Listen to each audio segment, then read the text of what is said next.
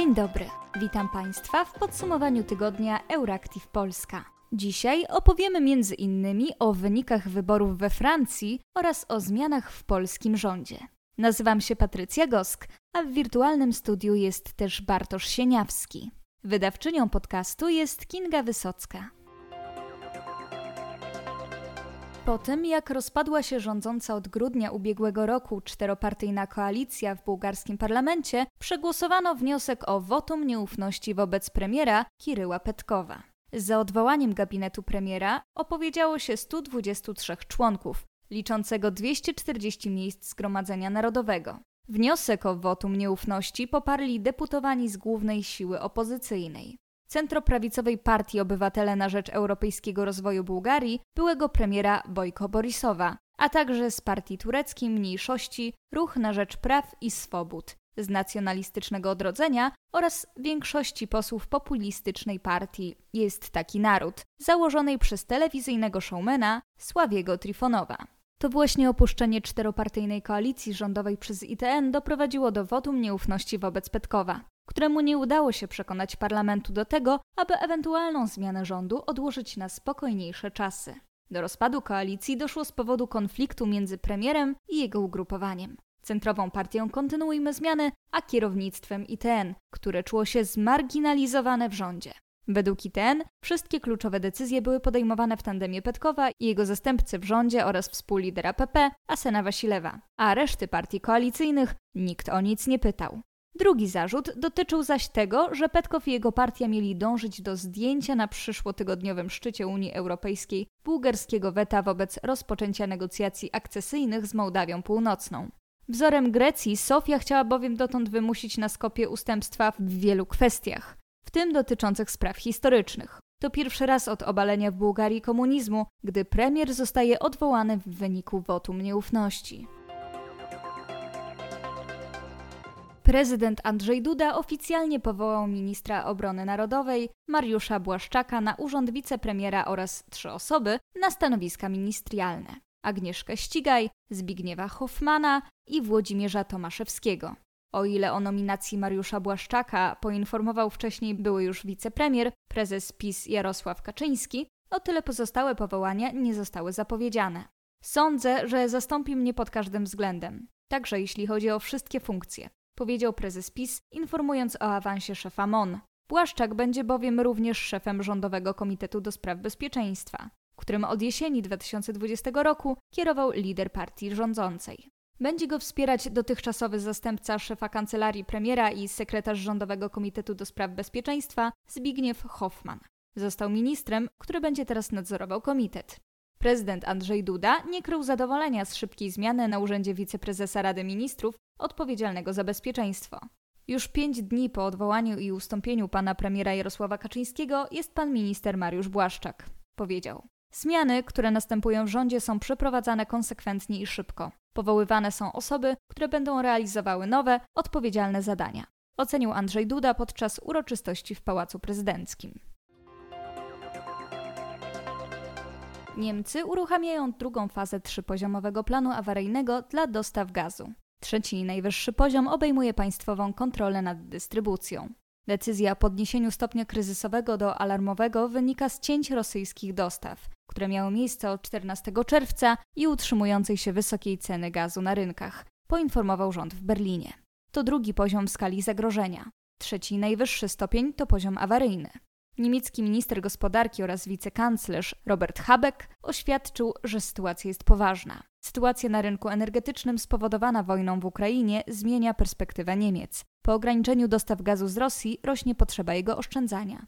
Minister gospodarki chce już teraz zapobiegać problemom w zimowym sezonie grzewczym. Do łask powróci węgiel.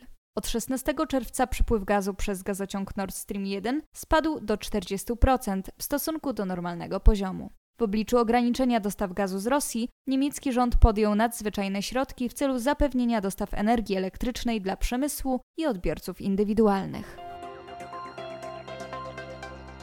Parlament Europejski wycofał z Trybunału Sprawiedliwości Unii Europejskiej swoją skargę na Komisję Europejską. Dotyczyła ona niestosowania tzw. Tak mechanizmu warunkowości. W następstwie wycofania przez Parlament Europejski skargi, przewodniczący CUE zamknął sprawę dotyczącą stosowania mechanizmu warunkowości w sprawach związanych z praworządnością. W następstwie wycofania przez Parlament Europejski skargi, przewodniczący CUE zamknął sprawę C657 łamane na 21, odnoszącą się do domniemanego niezastosowania przez Komisję mechanizmu warunkowości, dotyczącego praworządności i odnoszącego się do budżetu Unii Europejskiej. Napisano w środę w mediach społecznościowych CUE. Przypomnijmy, że Parlament Europejski złożył tę skargę na Komisję Europejską w październiku 2021 roku. Europarlament wzywał wcześniej Komisję do uruchomienia mechanizmu, zapowiadając, że jeśli Komisja tego nie zrobi, wniesie skargę do CUE. Powodem była obawa Parlamentu Europejskiego o niezastosowanie przez Komisję rozporządzenia w sprawie mechanizmu warunkowości w budżecie Unii Europejskiej. Po kilku miesiącach CUE oddalił skargę Węgier i Polski dotyczącą także mechanizmu warunkowości. We Francji zakończyła się druga tura wyborów parlamentarnych, do których doszło w niedzielę. Najwięcej miejsc w Zgromadzeniu Narodowym zebrała prezydencka koalicja liberalna Ensemble, zgarniając 245 z 572 miejsc w niższej izbie francuskiego parlamentu. Oznacza to, że pomimo wygranej traci ona samodzielną większość parlamentarną. Drugie miejsce zajęła lewicowa koalicja antykapitalisty Jean-Luc Mélenchona, która zdobyła 131 miejsc. Trzecie miejsce parlamentarnego wyścigu zajęli jego teoretyczni zwycięzcy, skrajnie prawicowe Zjednoczenie Narodowe Marine Le Pen, które po raz pierwszy w swojej historii zdobyło tak dużo mandatów, bo aż 89. Do tej pory narodowcy zdobywali po kilka mandatów, a ich najlepszy wynik wynosił 32 parlamentarzystów zdobytych w wyborach z 1986 roku. Do parlamentu nie dostała się w ogóle inna skrajnie prawicowa partia, Reconquista publicysty Erika Zemura, która jeszcze na początku tego roku, według sondaży, miała być nową i popularną, skrajnie prawicową siłą we Francji. W tym samym czasie, kiedy nacjonaliści od Le Pen strzelali korkami od szampana, w koalicji lewicowej NUP Mélenchona doszło do pierwszego zgrzytu. Mélenchon wezwał partię swojej koalicji do utworzenia jednej opozycyjnej grupy parlamentarnej w Zgromadzeniu Narodowym w obliczu chaosu powstałego przez wyborczą porażkę Macrona.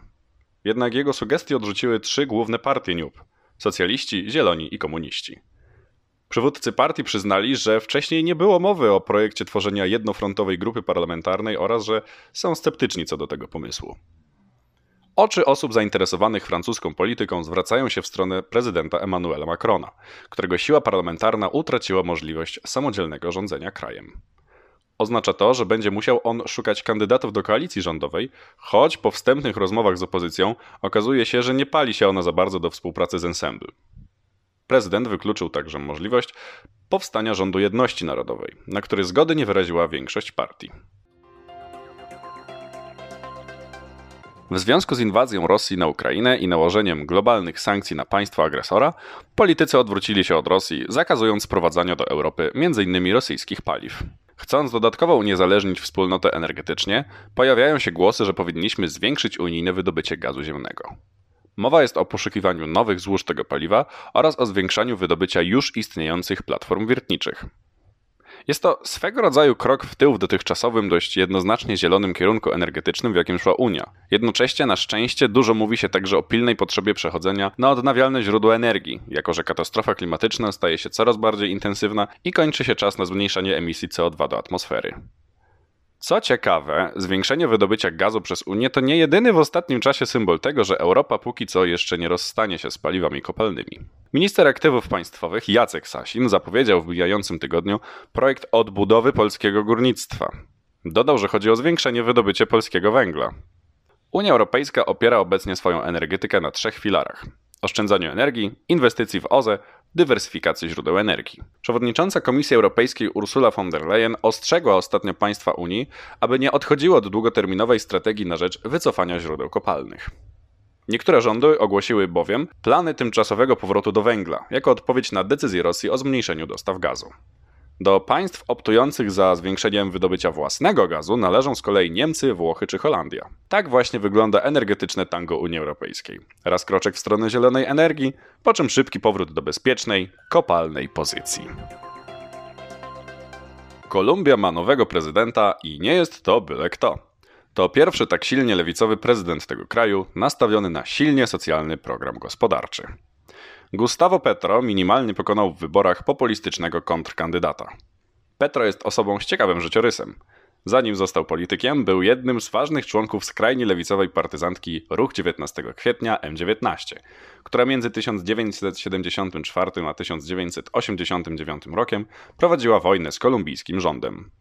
W 1990 roku M19 zawarła z rządem porozumienie pokojowe i przekształciła się w legalnie działającą partię. Jak można się jednak domyślić, działalność Petro w organizacji paramilitarnej była mu często wytykana w trakcie kampanii prezydenckiej.